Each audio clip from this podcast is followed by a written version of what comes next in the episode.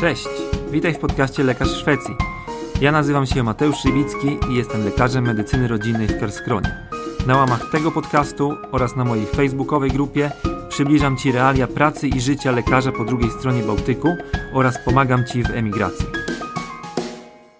Tematem dzisiejszego odcinka jest specjalizacja z laryngologii, rezydentura z laryngologii, generalnie jak wygląda e, praca w tej specjalizacji w Szwecji, jak, w jakim stopniu i, i pod jakim względem różni się od polskiej rzeczywistości.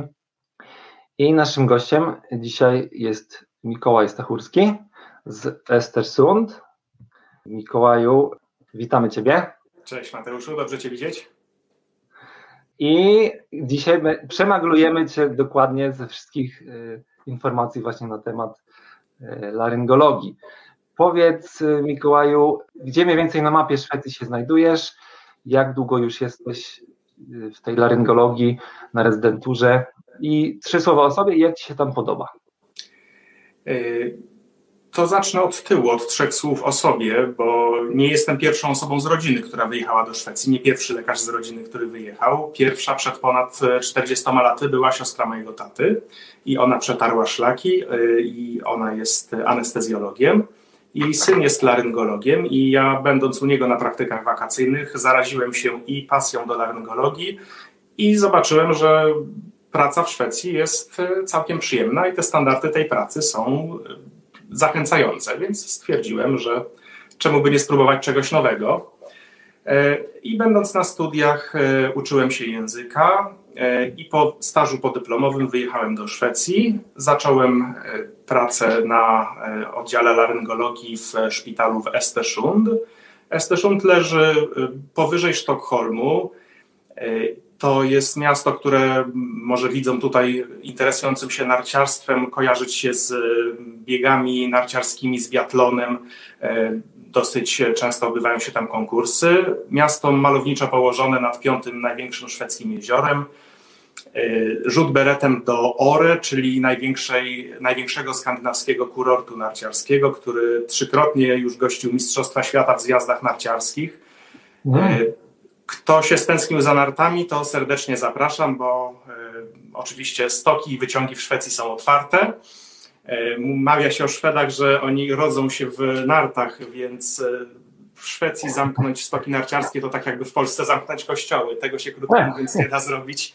Więc jeżeli ktoś jest zaszczepiony i ma ochotę, to jak najbardziej przyjazd do Szwecji i jazda na nartach w Szwecji wypali w tym sezonie. Oczywiście w reżimie sanitarnym, no i e, z zachowaniem dystansu społecznego, ale e, warunki już sam sprawdzałem w tym sezonie są naprawdę pierwszorzędne.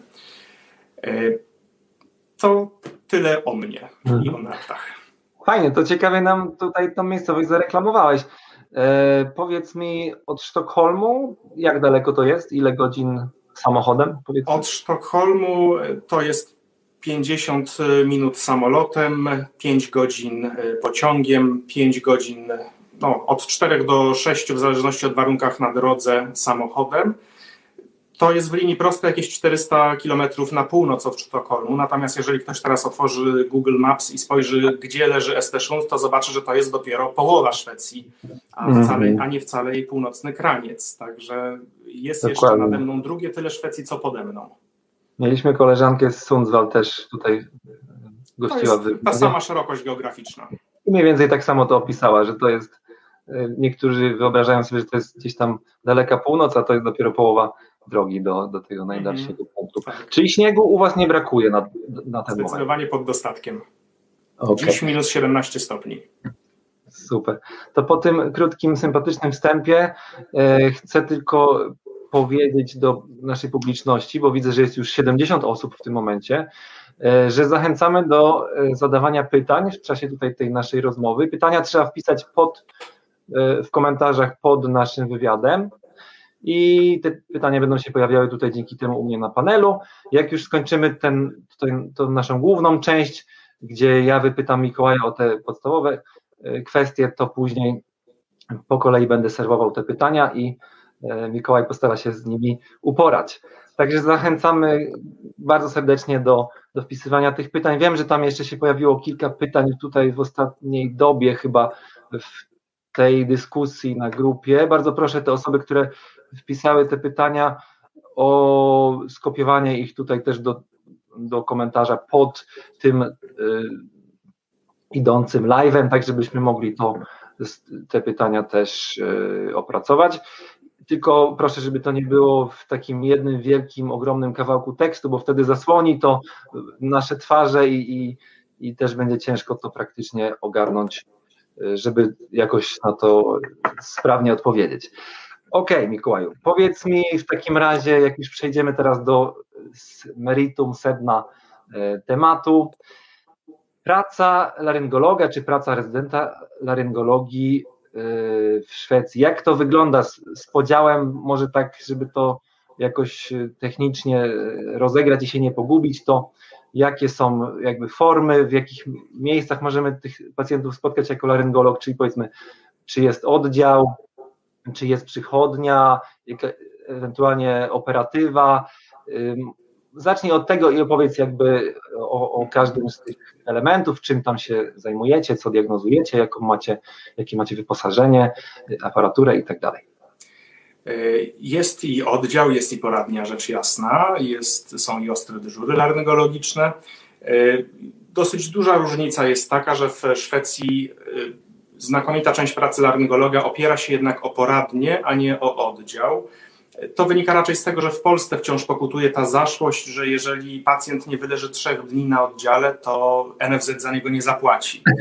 W Szwecji tego nie ma, w związku z tym pacjenci, którzy do prostych zabiegów operacyjnych w Polsce są przyjmowani e, na oddział, trzeba im zrobić przyjęcie, obserwacje dzienne, wypis. To wszystko u nas odpada przy większości pacjentów. E, w związku z tym mamy więcej czasu na pracę w poradni, a poradnia ma to do siebie, że przewija się przez nią większa ilość pacjentów niż przez oddział.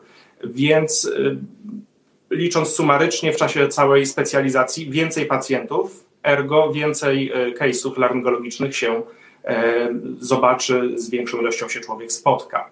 Więc to jest zasadnicza różnica, jeżeli chodzi o pracę. Y, jeżeli chodzi o diagnostykę, no to pełne spektrum diagnostyki laryngologicznej i to dotyczy jakby wszystkich e, miejsc, gdzie w Szwecji robi się laryngologię, e, specjalizację z laryngologii. E, są oczywiście miejsca bardziej wyspecjalizowane, gdzie robi się rzeczy zdecydowanie najbardziej zaawansowane w laryngologii. I tu chodzi o szpitale uniwersyteckie. To, co tam się robi, a czego nie robi się jednak w większości klinik nieuniwersyteckich to przede wszystkim takie rzeczy jak e, laryngologia onkologiczna czy implanty ślimakowe, e, to co wymaga jakby największego zaawansowania technologicznego. Mhm. Natomiast e, jeżeli chodzi o pozostałe kwestie, pozostałe części laryngologii, to wszędzie diagnozuje się, krótko mówiąc, wszystko. Mhm. E, I leczy się, leczy się też e, wszystko. Jeżeli się czegoś nie leczy w, danym, e, w danej placówce, to takiego pacjenta się wtedy wysyła dalej do kliniki uniwersyteckiej. Ale to są głównie te przypadki, które nadmieniłem wcześniej. Mhm. Mikołaju, czy ty studiowałeś w Gdańsku? Nie, ja studiowałem w Warszawie. Aha, okej, okay, bo zapomniałem Ciebie jeszcze spytać właśnie skąd się wywodzisz, jeśli chodzi o uczenie. Wywodzę się z WUM-u i jestem warszawiakiem z urodzenia. Od w każdym, każdym razie mam pozdrowienia od Karoliny Garnickiej, koleżanki naszej wspólnej koleżanki. Pozdrawiamy Karolina.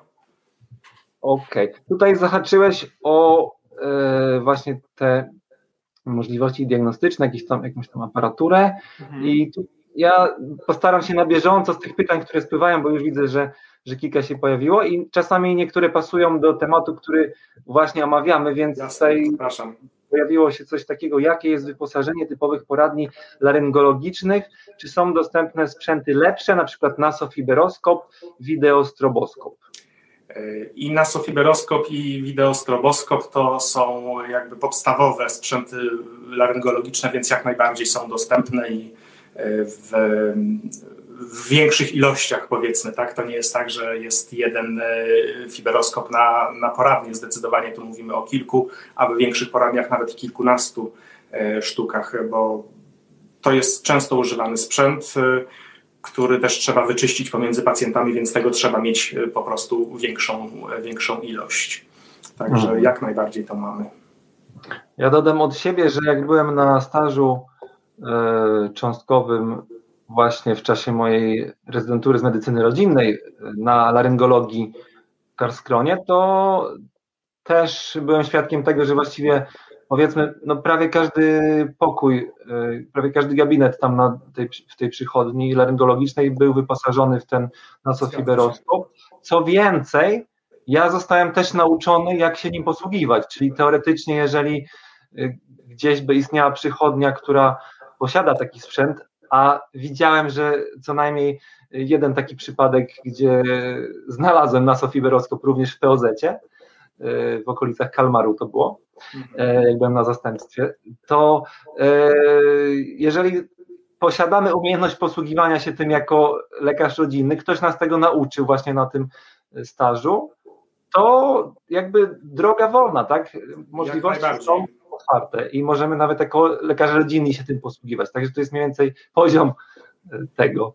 U mnie w regionie też są przychodnie e, POZ, które mają własne nasofiberoskopy i co więcej, e, zawsze jeżeli przychodzą do nas rezydenci medycyny rodzinnej, to uczę ich na swoim własnym nosie i swoim własnym gardle wykonywać okay. to badanie więc czuję się dobrze przebadany i oni czują się zadowoleni, że tę umiejętność posiedli. Aha, no to super, że się tak poświęcasz e, dla młodszych kolegów. Wczoraj e, sam byłem gościem w wywiadzie dla IFMSA i właśnie tam padło takie pytanie, jakby jak bardzo starsi koledzy pomagają czy opiekują się młodszymi adeptami i ja tam też bardzo pozytywnie się wypowiedziałem i tutaj mamy idealny przykład tego, jak taki opiekun czy, czy starszy kolega może się poświęcić, żeby młodszy kolega mógł nauczyć się takiej e, techniki. Jak najbardziej. W Szwecji generalnie to przekazywanie kompetencji dalej jest bardzo żywe, o czym sam na pewno wiesz i już nieraz to w, twoim, w Twoich wywiadach się pojawiało. Dokładnie. Okej, okay, to powiedz nam jeszcze, co z takich tam ciekawych zabawek e, i sprzętów jeszcze macie, skoro, skoro nasofiberoskop to jest w każdym gabinecie i nawet czasem w POZ, to co, co tam jeszcze z takich ciekawych rzeczy? Krócej będzie wymienić, czego nie mamy, ale nie, no jest, jest tak naprawdę wszystko. Jest y, wszystko to, czego potrzeba do, do diagnostyki laryngologicznej.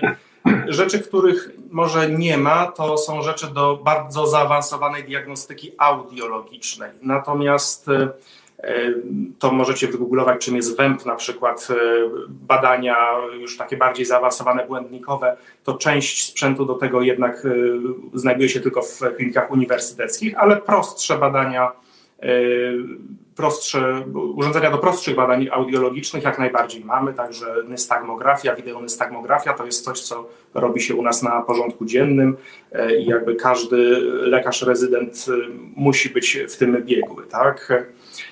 Znaczy w interpretacji wyników tego, tego badania. To jest takie podstawowe badanie, jeżeli chodzi o zaburzenia równowagi wszystko, czy, czy USG, czy fiberoskopy, czy z torem wizyjnym, czy z tor, kanałem do wprowadzania jakichś sprzętów.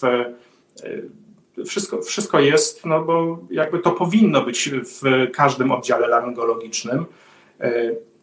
W Polsce jednak w większości oddziałów laryngologicznych takie sprzęty też są. Jakby oddzielną kwestią, oddzielnym pytaniem jest oczywiście ich e, wiek i ich stan, ale i ich ilość. E, mhm. Ale to też nie jest tak, że Polska jest e, niesamowicie zacofana, jeżeli o to chodzi. Oczywiście finansowanie służby zdrowia w Szwecji jest lepsze, z czego wynika większa dostępność sprzętów, ale to nie jest tak, że E, że tutaj wysforowaliśmy się 200 lat przed, przed Polskę. Nie, w Polsce nie jest aż tak źle, przynajmniej w Warszawie nie jest aż tak źle, e, jak niektórzy mogą to sobie wyobrażać. Okej, okay, żeby mimo wszystko jeszcze sprecyzować i wymienić kilka takich ciekawych nazw. Mhm. E, mikroskop otolaryngologiczny w każdym gabinecie, prawda? W każdym gabinecie, jak najbardziej. E, co tam jeszcze z takich ciekawych rzeczy? Diagnostyka może, wiem, że w wielu y, ośrodkach w Szwecji również do laryngologów należy diagnostyka bezdechu sen, sennego. Czy tak, tak uważasz jest? To różni się czasem w zależności od regionu i od przyjętych w szpitalu rutyn, natomiast y, u nas wygląda to w ten sposób, że są trzy dziedziny, które się zajmują diagnozowaniem bezdechów sennych i to jesteśmy my, laryngologia, to są pulmonolodzy i taka działka, która się nazywa fizjologia kliniczna. E, natomiast jest też dosyć e, jasny podział, czym my się zajmujemy, a czym się nie zajmujemy. My w diagnostyce bezdechów sennych e, zajmujemy się jakby usuwaniem organicznych przyczyn tych bezdechów, to znaczy powiększony migdał, trzeci migdał, powiększone migdały, powiększona nasada języka, zaburzenia rozwoju e, podniebienia miękkiego, tudzież e, jakieś anomalie anatomiczne podniebienia miękkiego i języczka. To krótko mówiąc, co się da zoperować, my operujemy i jakby udrażniamy tę, te drogi oddechowe w ten sposób. Mhm. Natomiast jeżeli chodzi o takie przyczyny wynikające z nadmiernej wiotkości tkanek czy otyłości pacjentów, to, co wymaga później e, użycia aparatury typu CPAP czy BIPAP, tym zajmują się już e, albo pulmonolodzy, albo lekarze fizjologii klinicznej. Mhm. Okej, okay, tutaj zaczynamy już e, zahaczać o współpracę z różnymi innymi specjalnościami lekarskimi, ale warto też przy okazji tych wszystkich sprzętów i możliwości diagnostycznych powiedzieć, o współpracy z innymi profesjami wewnątrz waszej kliniki, prawda? Czyli powiedzmy, e, przypomnij mi, jak, jak, jak te profesje się nazywają, audionom, tak? E, tak, szwedzki, po szwedzku audionom w Polsce, aż musiałem wygooglować tę nazwę, bo powiem szczerze, że zapomniałem, to się nazywa protetyk słuchu, czyli osoby odpowiedzialne za wykonywanie badań słuchu, e, tudzież niektórych badań e, układu równowagi. Aha. To jest jedna profesja i z nimi jakby mamy najwięcej do czynienia, dlatego że bardzo dużo tych pacjentów z niedosłuchami przyjmujemy.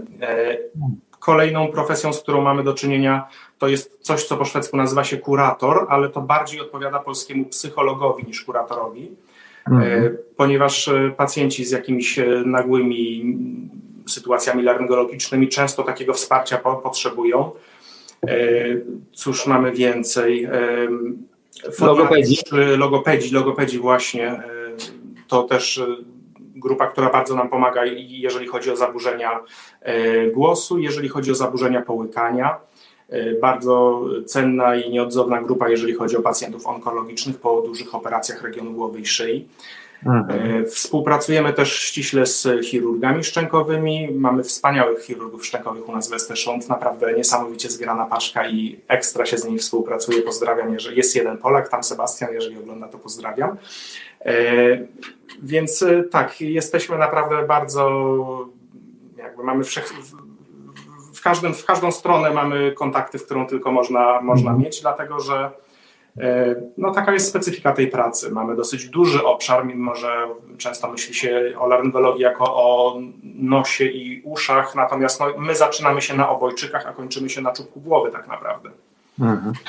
O tej współpracy z kolegami, koleżankami e, z innych specjalności lekarskich jeszcze zaraz dokładnie powiemy, ale zatrzymajmy się jeszcze chwilę nad tymi E, zawodami, które ta, którymi tam się otaczacie wewnątrz tej swojej własnej kliniki. Powiedz mi, jak blisko e, w zasięgu waszej ręki są ci specjaliści typu właśnie, e, jak powiedziałeś, audionom, logopeda, kurator.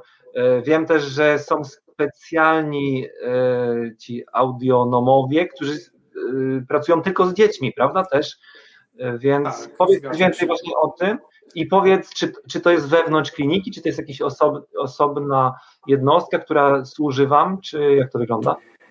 Y, u nas konkretnie jest to jednostka oddzielna, natomiast podlegająca pod y, taką dużą grupę jednostek y, naszego jakby no nie kliniki. polskiego przetłumaczenia, ale takiego po szwedzku omrody, czyli takiej obszaru. Obszaru, tak. E, więc jesteśmy z nimi blisko, jak najbardziej. E, ci prototycy słuchu należą do nas, do naszej kliniki, reszta to, są, to jest klinika pokrewna, ale bardzo blisko z nimi e, żyjemy i kontaktujemy się praktycznie cały czas, no bo to są po prostu nasi wspólni pacjenci, więc tego specyfika tej pracy wymaga. Aha. Protetycy słuchu, którzy zajmują się tylko dziećmi, bo tacy też są. Też Powiedz, są. Jak, jaka, jakiego typu tam diagnostyka może przebiec i jak, jak te badania się nazywają, co, w czym mogą Wam pomóc? W największym stopniu dotyczy to oczywiście niedosłuchów e, u dzieci e, i oni się zajmują właśnie przeprowadzaniem, przeprowadzaniem badań e, dotyczących tych niedosłuchów. Część badań oczywiście też wykonujemy my, takich bardziej klinicznych, natomiast część takich bardziej technicznych, z, związanych z mierzalnością poziomu słyszenia, słyszenia robią oni. Też jeżeli chodzi o no dosyć rzadkie jednak diagnozy, ale pewne dzieci z wadami, z zaburzeniami balansu, to też oni tutaj są jakby nieodzowni do tego, żeby to da, dalej diagnozować. Natomiast to już jest taka powiedzmy niszowa grupa pacjentów. E, to z tym przede wszystkim nam pomagają ci protetycy słuchu zajmujący mhm. się oni dziećmi. Oni mogą też przeprowadzić jakieś takie badanie, że wysyła się jakiś sygnał do błony bębenkowej i możemy e, jakby zarejestrować odpowiedź z tej błony bębenkowej, mimo że tak. dziecko jakby małe nie współpracuje na tyle, żeby jakiś e, dać feedback, czy, czy ten, te tony różne. Tak, e, to jest to, co tak? po polsku się nazywa otoemisja akustyczna, czyli to jest to, co jest tym przesiewowym badaniem słuchu noworodków to jest, e, to jest właśnie ten rodzaj badania. To nie wymaga mhm. ono udziału aktywnego dziecka, tylko polega na zbieraniu fali zwrotnej z, z ucha. I jeszcze u małych dzieci oni wykonują taki bardzo fajny y, typ audiometrii, gdzie dziecko, y, które też nie za bardzo współpracuje, żeby odpowiedzieć na pytanie, czy słyszy sygnał o danej częstotliwości, czy nie, może jakoś tam budować klocki, tak, czy, czy coś takiego. Oni tak, mają fajne tak. podejście do Jest tego. coś, co się nazywa no, w bezpośrednim tłumaczeniu na polski audiometrią zabawy, byśmy to tak powiedzieli. E, I, i to jest jeden z typów audiometrii, które którą mogą przeprowadzać u dzieci. Jest też coś, co się nazywa audiometrią obserwacyjną, czyli obserwuje się po prostu reakcję dziecka na różne inne bodźce dźwiękowe. E, nie każde dziecko oczywiście daje sobie włożyć słuchawki do uszu, w związku z tym jest coś, co nazywa się audiometrią e, pola w tłumaczeniu na bezpośrednim, to znaczy e, pole akustyczne pewne, w którym dziecko przebywa i słuch jest w nim mierzony bez, bez zakładania słuchawek do albo na uszy dziecka. To mhm. wszystko, tym wszystkim oni się zajmują. No oczywiście to są osoby, które mają odpowiednie też podejście do dzieci, więc jesteśmy im bardzo wdzięczni, że, że z nami współpracują. Mhm. Okej. Okay. E, też za chwilkę jeszcze powiemy troszeczkę o granicy, e, albo w sumie możemy od razu o tym powiedzieć, bo skoro już wymieniliśmy całą możliwą diagnostykę, jaka tylko istnieje w zakresie laryngologii, to może e, powiedzmy troszeczkę, gdzie przebiega ta granica między właśnie współpracą czy jakby kompetencjami laryngologów i lekarzy rodzinnych, tak? Jakbyś mógł powiedzieć kilka słów ze swojej perspektywy, gdzie, jak to tak z grubsza określić tą granicę, gdzie ona się znajduje? Ta granica, ona jest bardzo płynna, ta granica przebiega tak naprawdę tam, gdzie my ją sobie wspólnie wyznaczymy z lekarzem POZ. E, różnica w kontaktach między lekarzem POZ a jakimkolwiek e, specjalistą szpitalnym między e, Polską a Szwecją polega przede wszystkim na tym, że ten kontakt w Szwecji istnieje. Jeżeli lekarz POZ kieruje pacjenta do poradni specjalistycznej w Polsce, to wystawia skierowanie, gdzie wpisuje podejrzenie rozpoznania i tak naprawdę tyle. E, w Szwecji e, skierowanie jest tak naprawdę z raportowaniem pacjenta od stóp do głów i skierowanie my dostajemy w formie elektronicznej i dalej do nas należy piłeczka, e, co z tym skierowaniem zrobimy. Możemy je albo przyjąć i pacjenta wpisać na listę osób oczekujących do naszej poradni, albo możemy takie skierowanie odesłać i wtedy wpisując, dając też jakąś radę lekarzowi POZ, mówiąc zrób jeszcze to, zrób jeszcze to, spróbuj takie i takie leczenie. Jeżeli to nie przyniesie rezultatu, wyślij nowe skierowanie, to wtedy chętnie tego pacjenta zobaczymy. E, mhm. To sprawia, że poradnie specjalistyczne nie są przeciążone pacjentami i nie trafiają też do nich e, pacjenci, którzy mogą łatwo być wyleczeni w, za, w zakresie lekarza POZ. Drugą rzeczą, którą może zrobić lekarz POZ, to jest to, że zawsze może podnieść słuchawkę telefonu i zadzwonić do dyżurnego najbliższego oddziału laryngologii.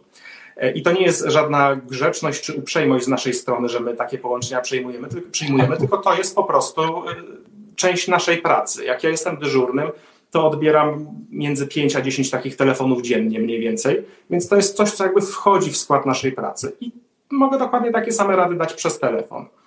Y, więc granica kompetencji, granica tego, kiedy pacjenta należy wysłać do wyższej, w cudzysłowie, instancji, czyli do poradni specjalistycznej, leży tam, gdzie lekarz POZ już więcej nie poradzi, ale to nie to, że jemu się wydaje, że on więcej nie poradzi, tylko że my to faktycznie sprawdzimy, że on więcej już nie da rady zrobić, to wtedy my takiego pacjenta przyjmujemy. Mhm. No właśnie, bardzo fajnie, że o tych wszystkich e, elementach wspomniałeś. Właśnie możliwości skonsultowania telefonicznego, taka otwarta współpraca z obu stron, czyli ja mogę Ciebie coś zapytać, bo znacznie więcej widziałeś jakby tego typu schorzeń i tego typu przypadków. Ty bardzo chętnie e, wesprzesz mnie jakby w tym, e, w tej w tym myśleniu diagnostycznym, ewentualnie jak pogłębić tą diagnostykę. My jesteśmy też przygotowywani jako e, w czasie specjalizacji z medycyny rodzinnej, właśnie dzięki temu, że spędzamy te dwa, czasami trzy miesiące u Was na stażu. E, uczymy się jakby pełnego badania e, laryngologicznego ze wszystkimi tymi instrumentami, które mamy do wykorzystania później na miejscu w POZ, plus czasami nawet, tak jak mówię, coś takiego ekstra, niemalże z pogranicza, typu ten nasofiberoskop, jeżeli mhm. ktoś bardzo chce tego używać. E, z takich rzeczy, które ja od siebie bym dodał, żeby zaznaczyć, co mamy na miejscu w przychodni ze sprzętów takich podstawowych do diagnostyki laryngologicznej, to jest dostępna tympanometria, e, mikroskop właśnie otolaryngologiczny, oczywiście otoskop zwykły, E, z, czasami z często z możliwością podłączenia e, takiej pompki do tak zwanego siglingu, czyli jakby, żeby zbadać sobie e, ruchomość tej błony bębenkowej. Jest audiometria, no i oczywiście podstawowe to badanie fizykalne, E, całego tego obszaru, tak jak mówisz, od obojczyków, właściwie po czubek głowy, ze wszystkimi wziernikami laryngologicznymi, z, mm, jak to się nazywa, e, lampą czy optyką, e, żebyśmy mogli jakby dobrze to wszystko sobie ocenić. Możemy mamy nawet, to znaczy, to jest taka dość podstawowa rzecz. Mamy w swoim wyposażeniu takie patyczki z jakąś substancją chemiczną, którą możemy przyżegać drobne naczynka krwionośne w przypadku y, jakichś tam y, krwawień ze splotu Kisselbacha. Y, przynajmniej jeżeli to gdzieś tutaj się bardziej w tej przedniej części znajduje. Jeżeli to jest krwawienie bardziej jakieś intensywne albo z tych tylnych naczyń, no to wiadomo, że już sobie z tym aż tak łatwo nie poradzimy, to już no wtedy nie, myślimy. Ale my też bardzo jakby z dużą otwartością witamy to, że wy też macie takie ambicje w POZ, żeby to zrobić i no macie przede wszystkim sprzęt do tego, tak? Dokładnie. A wielokrotnie nie jest to trudne. Jeżeli ktoś tego nigdy nie robił, to to się może wydawać, o, jak w ogóle do tego podejść, to jest niewykonalne w POZ.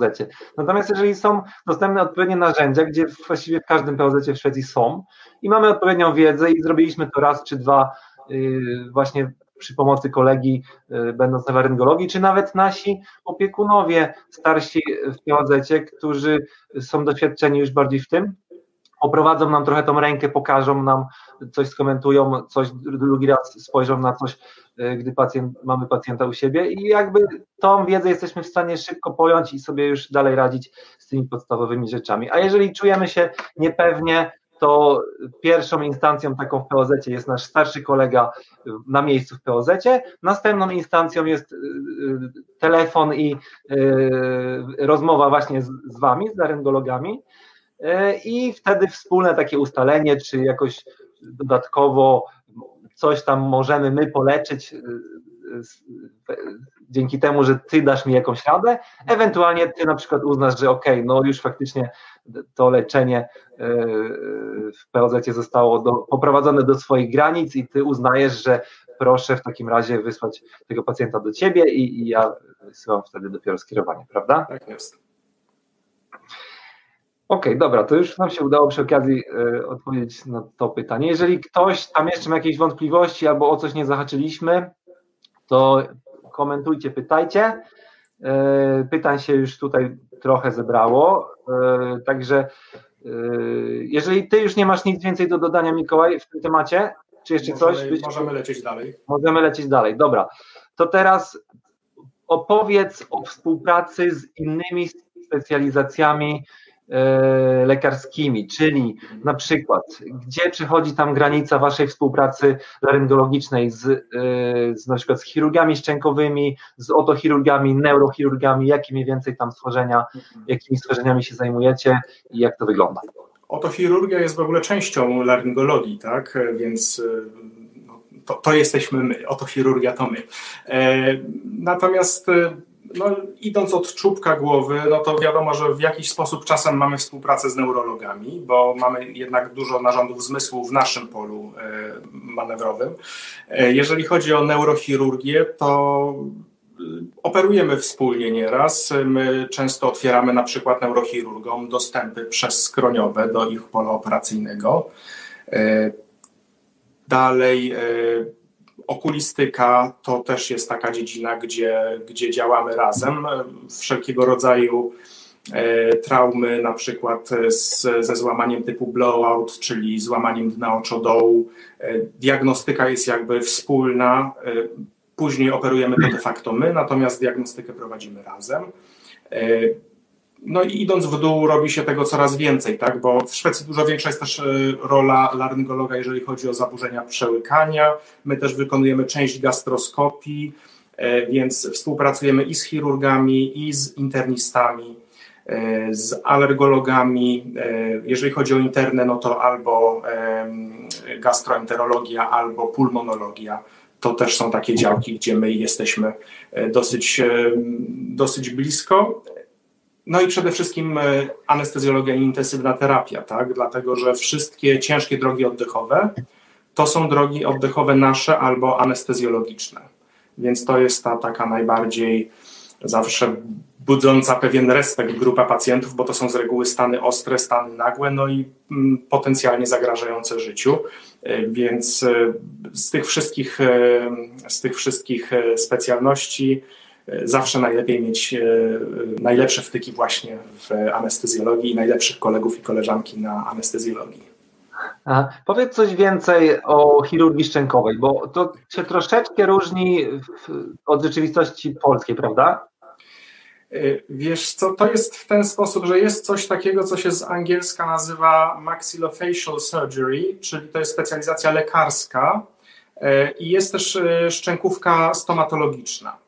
E, u nas występuje szczękówka stomatologiczna i jeżeli chodzi o wspólne nasze obszary zainteresowań, to są przede wszystkim e, traumy dotyczące twarzoczaszki, żuchwy.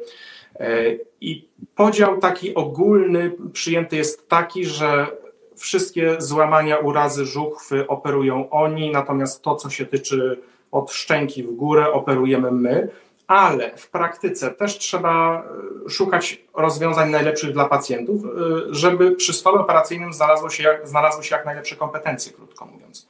U nas w praktyce wygląda to tak, że my wszystko operujemy razem. Zawsze jest e, ktoś ze szczękówki, lekarz, dentysta ze szczękówki i zawsze jest ktoś z laryngologii.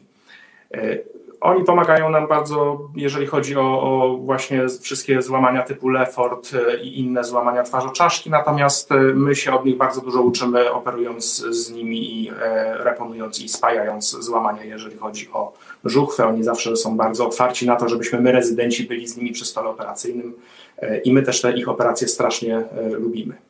Mhm. Chirurgia szczękowa w Szwecji to jest specjalizacja, którą najczęściej robią stomatolodzy, prawda? Lekarze po stomatologii. Mhm.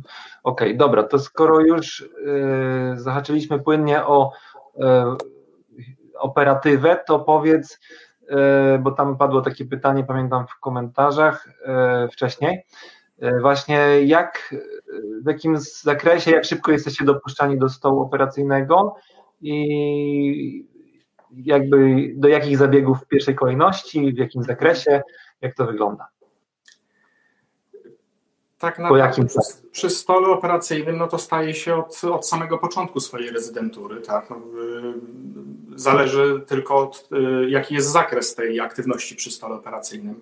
U nas w klinice jest taka dobrze przyjęta zasada, że przy wszystkich operacjach jest jakiś lekarz rezydent no, zakres działalności takiego lekarza rezydenta zależy oczywiście od jego doświadczenia i umiejętności, więc jest albo w ten sposób, że y, lekarz rezydent operuje samodzielnie coś, co już umie operować i specjalisty w ogóle na sali nie ma, e, nawet nie jest rozpisywany.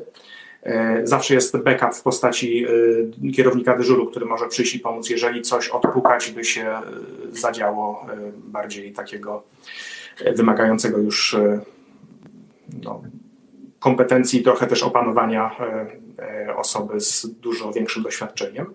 Albo może być tak, że rezydent e, operuje pod okiem specjalisty albo pod okiem starszego rezydenta, który już dany zabieg operacyjny przeprowadza samodzielnie i potrafi jakby opanować powikłania takiego zabiegu, albo jest tak, że operuje się wspólnie ze specjalistą albo wspólnie z innym rezydentem i w trakcie operacji zmienia się po prostu wzajemnie. To nie jest tylko tak, że stoimy i trzymamy haki, tylko też aktywnie w tych operacjach e, uczestniczymy, bo to jest jakby złotym sposobem na to, żeby te kompetencje były przekazywane dalej. E, więc tak to wygląda. Mhm. No jeżeli chodzi o to, co się operuje w pierwszej kolejności, no to jest jakby taki złoty, złoty kanon e, operacji laryngologicznych, od których się zaczyna, to znaczy usunięcie trzeciego migdała, zmniejszenie albo usunięcie migdałków, e, zakładanie drenażu wentylacyjnego ucha środkowego, e, zmniejszanie małżowin nosowych. To są takie no, dosyć łatwe w laryngologii operacje, które się wykonuje od samego początku i myślę, że nie przesadzę, jeżeli powiem, że po pierwszym roku specjalizacji te wszystkie rzeczy wykonuje się samodzielnie to, co w teorii przynajmniej trzeba znać e, od samego początku e, swojej, swojej rezydentury, to jest to, jak się wykonuje koniotomię i trakeotomię, dlatego że to są stany nagłe i e, odpukać, jeżeli komuś się zdarzy gdzieś nawet na oddziale czy na korytarzu szpitalnym tę koniotomię zrobić, no to, to trzeba po prostu mus to mus, krótko mówiąc.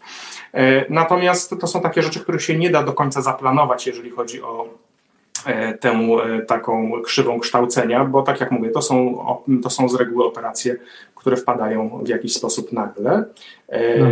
Natomiast później już pełne spektrum wszystkich innych operacji, to znaczy no, tak tkanki miękkie, jak i operacje czy przegrody czy nosowej, czy zatok przynosowych, czy już na pewnym etapie nawet operacje w uchu środkowym, jakieś takie powiedzmy łatwiejsze z tego zakresu, bo jednak E, ucho środkowe jest e, uważane za taki creme de la creme e, chirurgii laryngologicznej, ale są osoby, no, nie przymierzając twój rozmówca, które już też samodzielnie plastyki błony bębenkowej operują, będąc na trzecim roku specjalizacji. No, zawsze jest tak, że trzeba wykazać też jakąś inicjatywę i trochę, trochę własnej ambicji, ale nie jest broń Boże tak, że trzeba się strasznie rozpychać łokciami. E, lekarze, koledzy z pracy są zawsze bardzo chętni do tego, żeby uczyć. Jeżeli ma się dobrego mentora, to człowiek się szybko i szybko nauczy. Mhm. Okej, okay. tutaj mam takie dłuższe pytanie, które może zasłonić kawałek nas, ale i też wydaje mi się, że już na część tego pytania odpowiedziałaś, ja je tylko odczytam. Czy jest w ogóle coś takiego jak konieczność wyrobienia określonej liczby procedur? Jakbyś mógł do tego się odnieść? Wy, wydaje mi się, że odniesienie do czegoś odpowiedzieć na to pytanie, ale nie słyszałem nigdy, żeby ktoś po zrobieniu tych pięciu lat specjalizacji miał problem z uzyskaniem tytułu specjalisty, bo czegoś nie wyrobi, bo jakiś, jakiejś liczby procedur nie wyrobił. Myślę, że tutaj się bardziej opiera to na tym, że trzeba potrafić e, zrobić pewne rzeczy, a niekoniecznie zrobić ich e, setki. Aha, bo wydaje mi się, ja nie znam dokładnie rzeczywistości polskiej, ale wydaje mi się, że to może być odniesienie do jakiejś książeczki specjalizacyjnej, gdzie musisz zrobić 10 tego, 15 tego, może 20, coś takiego pewnie. Chyba tutaj Paulina ma, która pyta o to, ma to na myśli, podejrzewam. Mhm. E, są takie punkty, które trzeba odhaczyć w swoim wykształceniu, które e, przez urząd, który nazywa się Social Styrelsen, czyli takie połączenie Ministerstwa Zdrowia i Izby Lekarskiej myślę, że tak najłatwiej przetłumaczyć, e, później sprawdza i to ten urząd wydaje e, zaświadczenie, że jest się specjalistą. Natomiast wśród tych punktów nie ma określonych żadnych ilości. Trzeba po prostu niektóre procedury potrafić wykonać. No i tyle, tak. Mhm. Okej. Okay. Powiedz, czy w każdym szpitalu z oddziałem laryngologicznym można zrobić specjalizację? Znowu, to jest tak, tak szczegółowe pytanie, że boję się odpowiedzieć e, w 100%, ale wydaje mi się, że, że tak powinno być. Tych szpitali, Aha. gdzie można w Szwecji zrobić e, specjalizację z laryngologii jest ponad 20. Pokusiłem się i sprawdziłem to w internecie przed dzisiejszym wywiadem. E, natomiast nie jestem w stanie powiedzieć, czy to są wszystkie oddziały laryngologiczne w Szwecji, ale wydaje mi się, że chyba tak. Aha. Też mam takie wrażenie, bo w sumie dlaczego nie? Jeżeli jakieś kompetencje mm, albo możliwości nie są dostępne na miejscu, to zawsze jest możliwość oddelegowania takiego specjalizanta do innego ośrodka, żeby on nabrał tych umiejętności, prawda? I tutaj właśnie Paulina dalej ciągnie jakby to pytanie w tym kierunku, bo ona pyta, czy y, na przykład na część specki jest się oddelegowanym do większego ośrodka. Ja w tym momencie nie jestem w Östersund, tylko jestem w Sztokholmie, bo robię swój staż cząstkowy z y, audiologii. E, więc tak, są pewne, pewne jakby podkategorie, gdzie wykonuje się staże cząstkowe w innych miejscach. E, takie najbardziej e, sztampowe rzeczy to jest audiologia, to jest foniatria, to jest chirurgia taka nowotworowa głowy i szyi. I do tego też trzeba zrobić e, co najmniej chyba trzy, tak, co najmniej trzy miesiące e, na jakimś innym oddziale zabiegowym. W praktyce wygląda to tak, że na laryngologii większość osób wybiera chirurgię plastyczną, bo my jednak robimy też dużo e, usunięć, jakichś zmian skórnych. Praktycznie wszystko do bojczyka w górę usuwamy my. E, z wyjątkiem powiek, który, którymi zajmują się okuliści. Więc my też robimy przeszczepy skórne, my też robimy płaty skórne, e, więc ta wiedza i te kompetencje są nam potrzebne. E, I jeszcze taki staż, który trzeba odbyć w ramach specjalizacji z laryngologii, to jest trzymiesięczny staż na anestezjologii i intensywnej terapii. Mhm.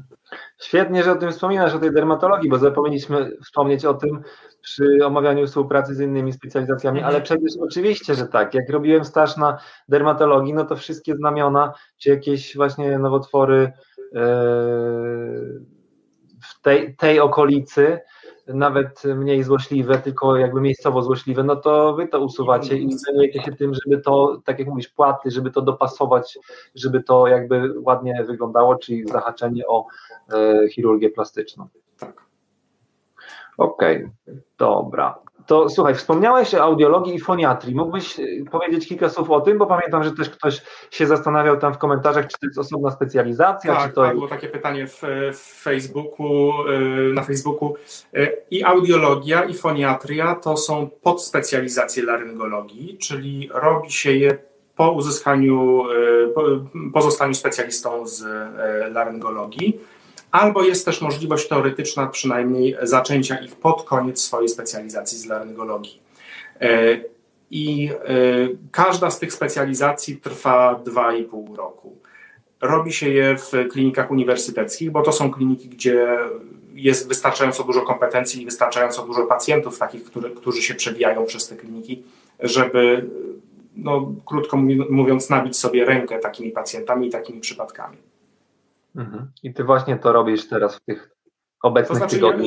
Ja, ja, nie robię podspecjalizacji z audiologii, tylko ja robię a, no staż cząstkowy na audiologii. Aha. Tak. Mhm. Okej. Okay. A w twojej klinice w Estersund macie kolegów, którzy są audiologami, foniatrami? Nie e, i mało jest klinik nieuniwersyteckich, które mają takie osoby wśród swoich zatrudnionych, choć są. E, mhm. Natomiast to nie znaczy, że my nie zajmujemy się częścią rzeczy, które e, wykonują audiolodzy czy foniatrzy, bo przecież diagnostyka niedosłuchów, no nie może nagle być tak, że województwo nie ma lekarza, który się tym nie zajmuje. Tym zajmujemy się my, po to mamy te, ten staż cząstkowy. Mhm. E, zaburzenia głosu sam foniatra się tym też nie zajmie, znaczy częścią się oczywiście mogą zająć, ale, ale też nasza diagnostyka i leczenie jest potrzebne. My też przecież wykonujemy e, ostrzykiwania strun głosowych, czy botoksem, czy kwasem hialuronowym, e, no bo ktoś to musi zrobić, tak? No i to też jest kwestia tego, zobacz raz, zrób raz i, i kontynuuj, tak? E, okej, okay, no to może brzmi dosyć e, tak e, lekko i nonszalancko, jeżeli chodzi o, o struny głosowe. W praktyce wygląda to tak, że mamy audiologa ze szpitala uniwersyteckiego, w, przepraszam, foniatrę ze szpitala uniwersyteckiego w Umeo, który przyjeżdża do nas dwa, trzy razy w roku na dwa, trzy dni. I pierwsze nastrzykiwania zawsze robi ona, żeby jakby dopasować dawkę, ale już później to są zabiegi, które należy cyklicznie powtarzać. E, trwałość ich jest kilka miesięcy, kilkanaście tygodni z reguły. E, I później kontynuujemy to my. Mhm. Okej, okay, dobra. E, tutaj się pojawiło pytanie właśnie a propos tej, e, tych zabiegów onkologicznych. E, jak wygląda kwestia tych dużych zabiegów, onkologia z następowymi plastykami, czy tylko największe ośrodki się tym zajmują? Największe ośrodki to znaczy ośrodki akademickie, których w Szwecji jest siedem i to jest Malmö i Lund, to jest pierwszy, dalej mamy Göteborg, Linköping, Erebro, Westeros, Sztokholm, Uppsala i Umeå. Mhm. Faktycznie przygotowałeś się dobrze. No, Dokładnie. Współpracujemy z częścią z nich, więc e, no jakby e, świat laryngologiczny w Szwecji nie jest aż taki duży, więc e, Aha. z większości tych klinik znam część lekarzy osobiście już po trzech latach mieszkania w Szwecji. Aha. Tu, tutaj jest e, bardzo fajny komentarz kolegi Briana. W Polsce musisz zrobić x procedur, nie umiejąc ich ostatecznie. To jest odniesienie do tego, co przed chwilą poruszyliśmy. E, dobrze wiedzieć. E, z takich kolejnych tutaj jeszcze pytań. Może takie przewrotne pytanie zawsze się pojawia. Ola pyta, czy istnieją jakieś minusy, wady, coś, z czego nie jesteś do końca zadowolony w kontekście pracy? Oczywiście, jestem daleko od Warszawy, którą bardzo kocham i od przyjaciół, który, którzy tam zostali. E, minusy. Ojej, szczerze. Nie, nie chcę, żeby to tak sielankowo zabrzmiało, ale trudno mi tak e, wymyśleć teraz na szybko jakiś minus, coś, co coś, co w Polsce jest, e, jest lepsze. E, znaczy, nie jest tak, że w Polsce jest, jest źle, oczywiście. No, e, Albo coś, co ci dokucza w Szwecji. Wiesz co, ja dostałem dokładnie takie same pytanie wczoraj na wywiadzie z IFMSA i mhm. powiedziałem, że jak się daleko na północy mieszka, to w zimę jest trochę ciemno, aczkolwiek nie no, wiem, jak to nie dotyczy pracy, prawda? Jeżeli no właśnie, to nie pracę, dotyczy naprawdę trudno mi powiedzieć. To, to odpuszczamy w takim razie. Sorry, bo... sorry no nie wymyślę nic tak na, na szybko. Na, na, na siłę nie będziemy wymyślać, to, to, to, coś by takiego się znalazło, ale to, to, to raczej okay, małe rzeczy, skoro nic mi nie przychodzi do głowy Dokładnie. Widocznie nic większego nie, nie, nie musi ci doskwierać i dlatego nie możesz wpaść na to. Gdybyś na coś wpadł, to może zawsze w komentarzu później dorzucić. Jasne. Eee, Okej. Okay. E, jeszcze e, jedna tylko taka kwestia na koniec takich pytań, bardziej tutaj ode mnie, chociaż to zaczyna graniczyć z tymi, które się pojawiają w komentarzach. Wydaje mi się, że nawet gdzieś widziałem tego typu pytanie. Jak znajdę, to zaraz je wyświetlę, ale e, chciałbym usłyszeć coś jeszcze więcej o dyżurach albo coś, czym mhm. ta kwestia się różni od Polski, albo jakieś inne rzeczy, które powiedzmy ty uważasz, że jakby dostrzegasz jako największe różnice między polskim a szwedzkim systemem? Tak, zdecydowanie dyżury są największą różnicą i to jest to, co mówię jako pierwszą i zasadniczą różnicę wszystkim moim przyjaciołom i znajomym w Polsce. E, różnica wynika stąd, że w Polsce często jest tak, że pacjenci traktują szpitalny oddział ratunkowy jak e, powiedzmy przedłużenie poradni specjalistycznej, bo muszą czekać na, poradnie, na wizytę w poradni specjalistycznej e, często kilka, a nawet kilkanaście miesięcy, żeby dostać się na NFZ. No więc szukają gdzie indziej. Też trudno im się dziwić, prawda? Ale hmm. To powoduje taką sytuację, że na, oddział, na szpitalnych oddziałach ratunkowych, na ostrych dyżurach laryngologicznych traf, jest bardzo dużo pacjentów, którzy nigdy nie powinni tam trafić, bo to nie są przypadki ostre. Ja sam troszkę y, oddziałów ratunkowych i na studiach, i na e, stażu w Warszawie widziałem i e, trochę się tam kręciłem. I z perspektywy czasu muszę przyznać, że myślę, że co najmniej 60, jak nie 70% pacjentów na e, ostrych dyżurach laryngologicznych nigdy nie powinno trafić na ostry dyżur laryngologiczny, bo to nie są przypadki ostre. Mhm. Szpitalny oddział ratunkowy w Szwecji jest tym, co stoi w jego nazwie, to znaczy oddział ratunkowy. Trafiają tam pacjenci, którzy nie dożyją do następnego dnia, albo którzy dożyją do następnego dnia z dużym uszczerbkiem na zdrowiu. E, I jak pacjent trafia do nas e, na e, nasz SOR, to na początku jest triażowany przez pielęgniarkę. I pielęgniarka może podjąć różne decyzje, albo powiedzieć pacjentowi, że słuchaj, twój case to jest case, z którym ty jutro powinieneś pójść do lekarza pierwszego kontaktu. Albo twój case jest taki, że ok, on się nadaje do poradni specjalistycznej, do laryngologa, ale to nie jest nic tak bardzo ostrego, więc przyjdź jutro za dnia. E, albo może powiedzieć, ok, faktycznie dzwonimy po, e, po dyżurnego z laryngologii. Albo może zadzwonić do mnie i się po prostu zapytać. I Szwedzkie pielęgniarki mają dużo lepszą renomę wśród pacjentów, e, dużo większy posłuch wśród pacjentów niż pielęgniarki w Polsce z zupełnie dla mnie niezrozumiałych powodów, dlatego że wszystkie pielęgniarki, z którymi ja miałem przyjemność pracować w Polsce, to są naprawdę super kompetentne dziewczyny. I nie wiem skąd się bierze taka nieufność, że pacjent koniecznie musi spotkać lekarza, dlatego że pielęgniarki też mają ogromny bagaż doświadczenia i niektóre rzeczy potrafią, o niektórych rzeczach potrafią zadecydować same. Mhm. Mi w Szwecji zdarza się może raz w roku sytuacja, gdzie pacjent faktycznie wymusza to, żeby być e, koniecznie zdiagnozowanym e, i przyjętym przez lekarza, pomimo że tego nie potrzebuje na ostro. E, także to jest olbrzymia różnica. No i plus, plus do tego fakt, że ja w czasie dyżuru jestem w domu pod telefonem i mam 30 minut na to, żeby dojechać do szpitala. I tak działa to w większości oddziałów laryngologicznych w Szwecji. Wyjątkami są oczywiście te jednostki w największych miastach jak Sztokholm, Malmö czy Göteborg, gdzie lekarz jest zawsze na miejscu, ale to też wynika z tego, że w Sztokholmie mieszka 25% populacji Szwecji, a jest jeden olbrzymi faktycznie, ale oddział mm, ostry laryngologii, ostry dyżur laryngologicznych. Więc to jest też bardzo przyjemne, że można siedzieć w domu i po prostu pod telefonem oczekiwać i zająć się czymś innym w międzyczasie. Także serdecznie zachęcam, jeżeli ktoś chciałby spróbować tego, tryb, tego trybu pracy, to Szwecja jest jednym z tych krajów, gdzie tak się da. Mhm. I tu fajnie, bo nawiązujesz jakby do takiego e, już końcowego panelu, czyli właśnie te wszystkie pytania o to, e, gdzie szukać specjalizacji, jak szukać, gdzie można się specjalizować, ale jeszcze e, tylko jedno, jedno słóweczko o dyżurach, bo tutaj ktoś zapytał, Natalia zapytała, ile dyżurów w miesiącu wymaganych, powiedzmy, ile dyżurów w miesiącu ty przeciętnie robisz? Spróbujmy na to odpowiedzieć. Bo wymaganych mi się wydaje, że chyba nie ma nic takiego. Nie, nie ma czegoś takiego jak wymagane tak? dyżury, nie, to, to zgadza się. Natomiast bardzo różni się to w zależności od pory roku, krótko mówiąc, bo w wakacje mniej osób jest w pracy, więc robi się ich więcej. Z reguły robię tych dyżurów około między 5 a 8 w miesiącu. Okej, okay, raczej między 5 a 7 w miesiącu.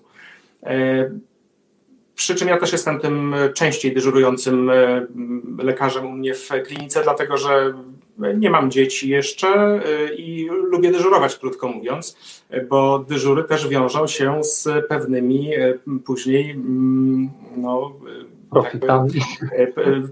tak, z, z rodzajem wynagrodzenia, o którym pewnie też zaraz wspomnimy. Taki miesiąc, ale to już była taka sytuacja naprawdę podbramkowa, że trzeba było ratować się jak się tylko dało. To był miesiąc, kiedy zrobiłem 11 dyżurów. E, natomiast, no tak jak mówię, to była wyjątkowa sytuacja i coś takiego jest jednak nie do pomyślenia w, w Szwecji, żeby w ten sposób dyżurować na stałe. Mhm. A te jakby plusy, benefity tego, tych dyżurów to jest to, że za dyżury odbiera się później czas wolny, albo odbiera się pieniądze, albo odbiera się tak jak ja to robię, na przykład 50-50, tak? Część, mhm. część w czasie wolnym, część w pieniądzach.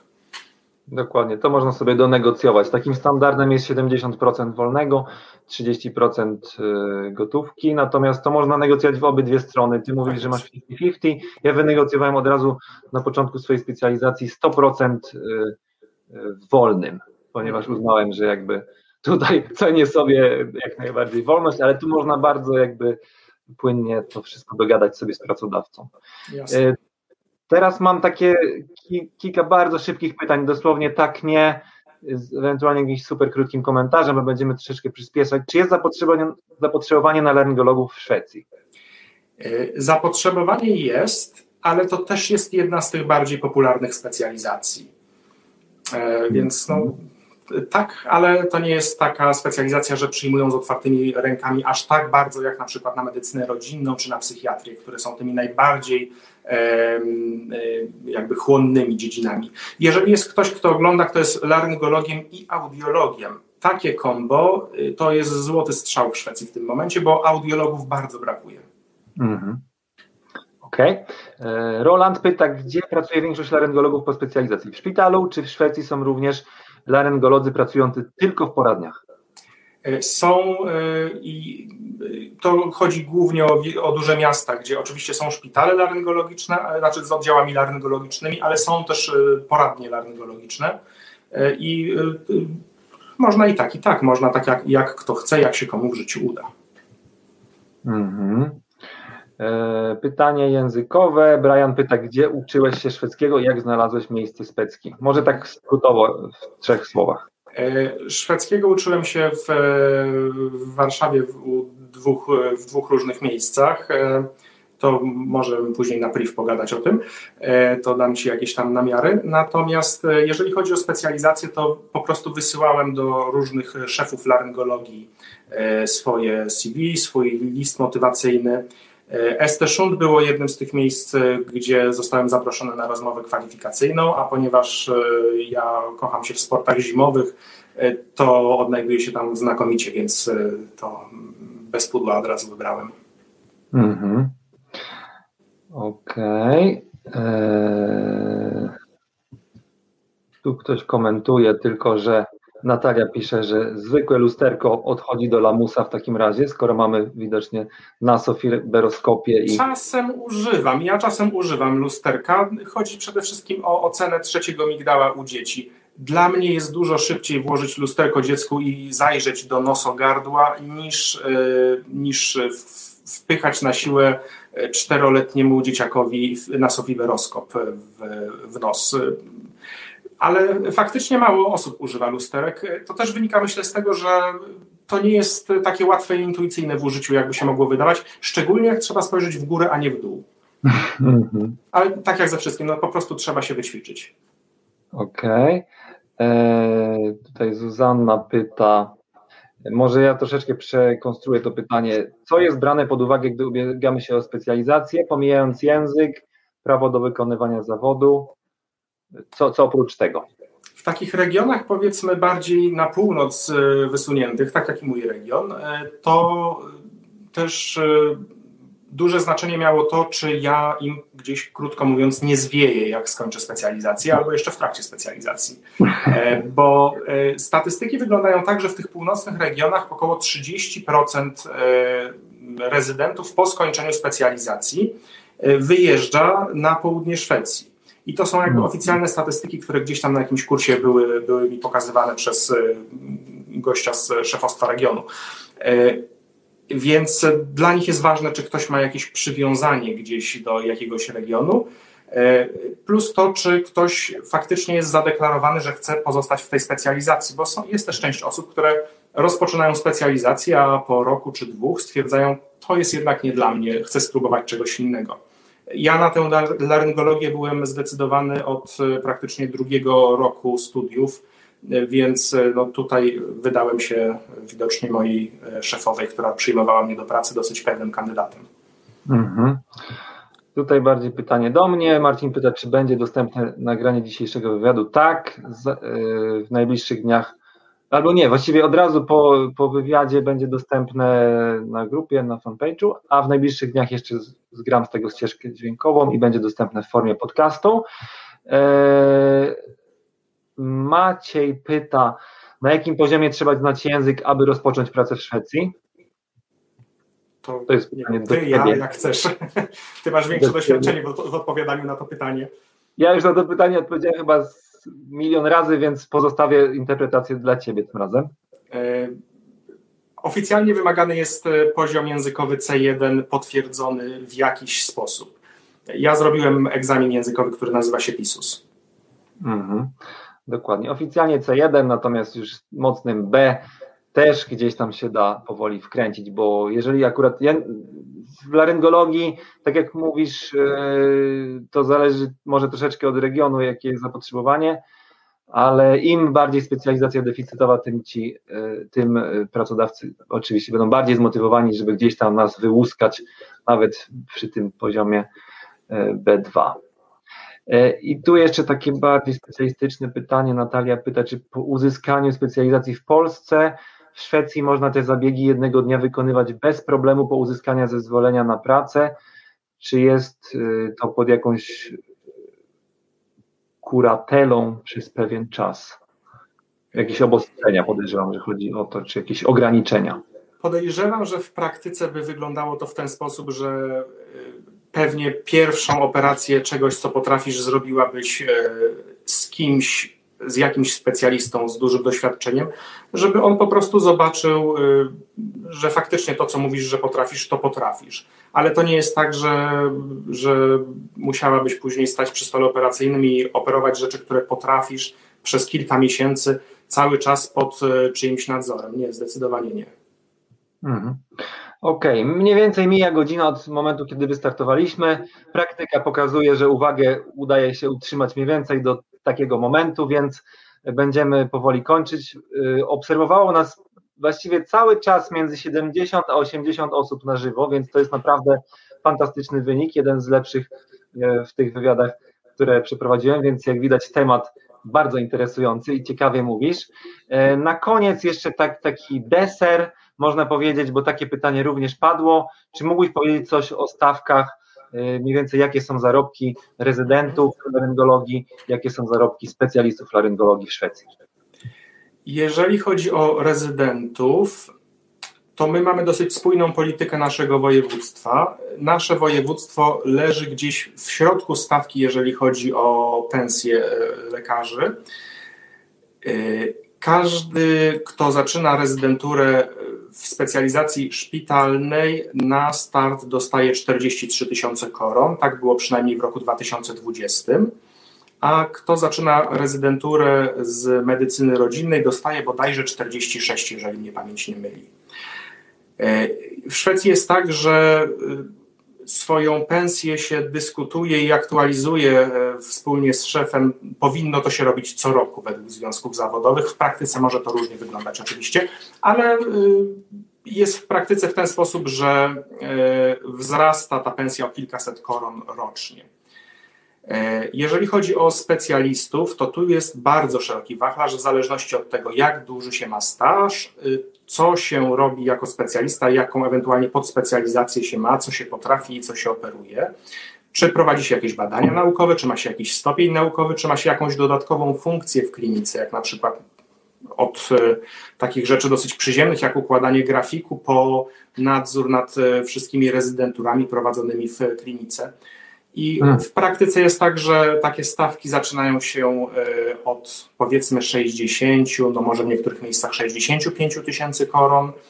Natomiast e, no osoby, które ja znam kilka takich osób, pojedyncze co prawda, ale, ale wiem, że zarabiają e, powyżej 100 tysięcy koron. Ale to już jest taki powiedzmy creme de la creme otochirurgii e, szwedzkiej, więc e, i to są ludzie z dużym doświadczeniem i też z dużym dorobkiem naukowym. E, I do tego oczywiście dochodzą jeszcze pieniądze, jeżeli ktoś odbiera dyżury w pieniądzach. Hmm. Mi moja pensja rośnie o no, między 40 a 60% mniej więcej, jeżeli zliczyć dyżury, w zależności od tego, jak dużo danego miesiąca dyżuruje. Chodzi oczywiście o pensję brutto, więc czym bardziej ona rośnie, tym większa też jest część, którą oddaje w podatkach. No ale jednak E, lepsza, większa pensja brutto niż mniejsza pensja brutto, krótko Otóż to. mówiąc. I też taka lekkość e, moja mówienia o pieniądzach nie wynika stąd, że, że chcę wam pokazać, że w Szwecji się nie klepie biedy, no bo to jakby e, każdy, każdy wie, ale w Szwecji jest też coś takiego jak polityka otwartych, znaczy polityka ogólnodostępnych informacji, jeżeli chodzi o zarobki. Więc każdy z was, jeżeli jutro rano podniesie słuchawkę i zadzwoni do kadr u mnie w szpitalu, albo do kadr y, u Mateusza, to może zadać pytanie, ile Mateusz y, albo ile Mikołaj y, zarabiają i otrzyma Dokładnie. taką odpowiedź, bo tak jest skonstruowane prawo. Dokładnie. Więc to nie są żadne tajemnice tutaj.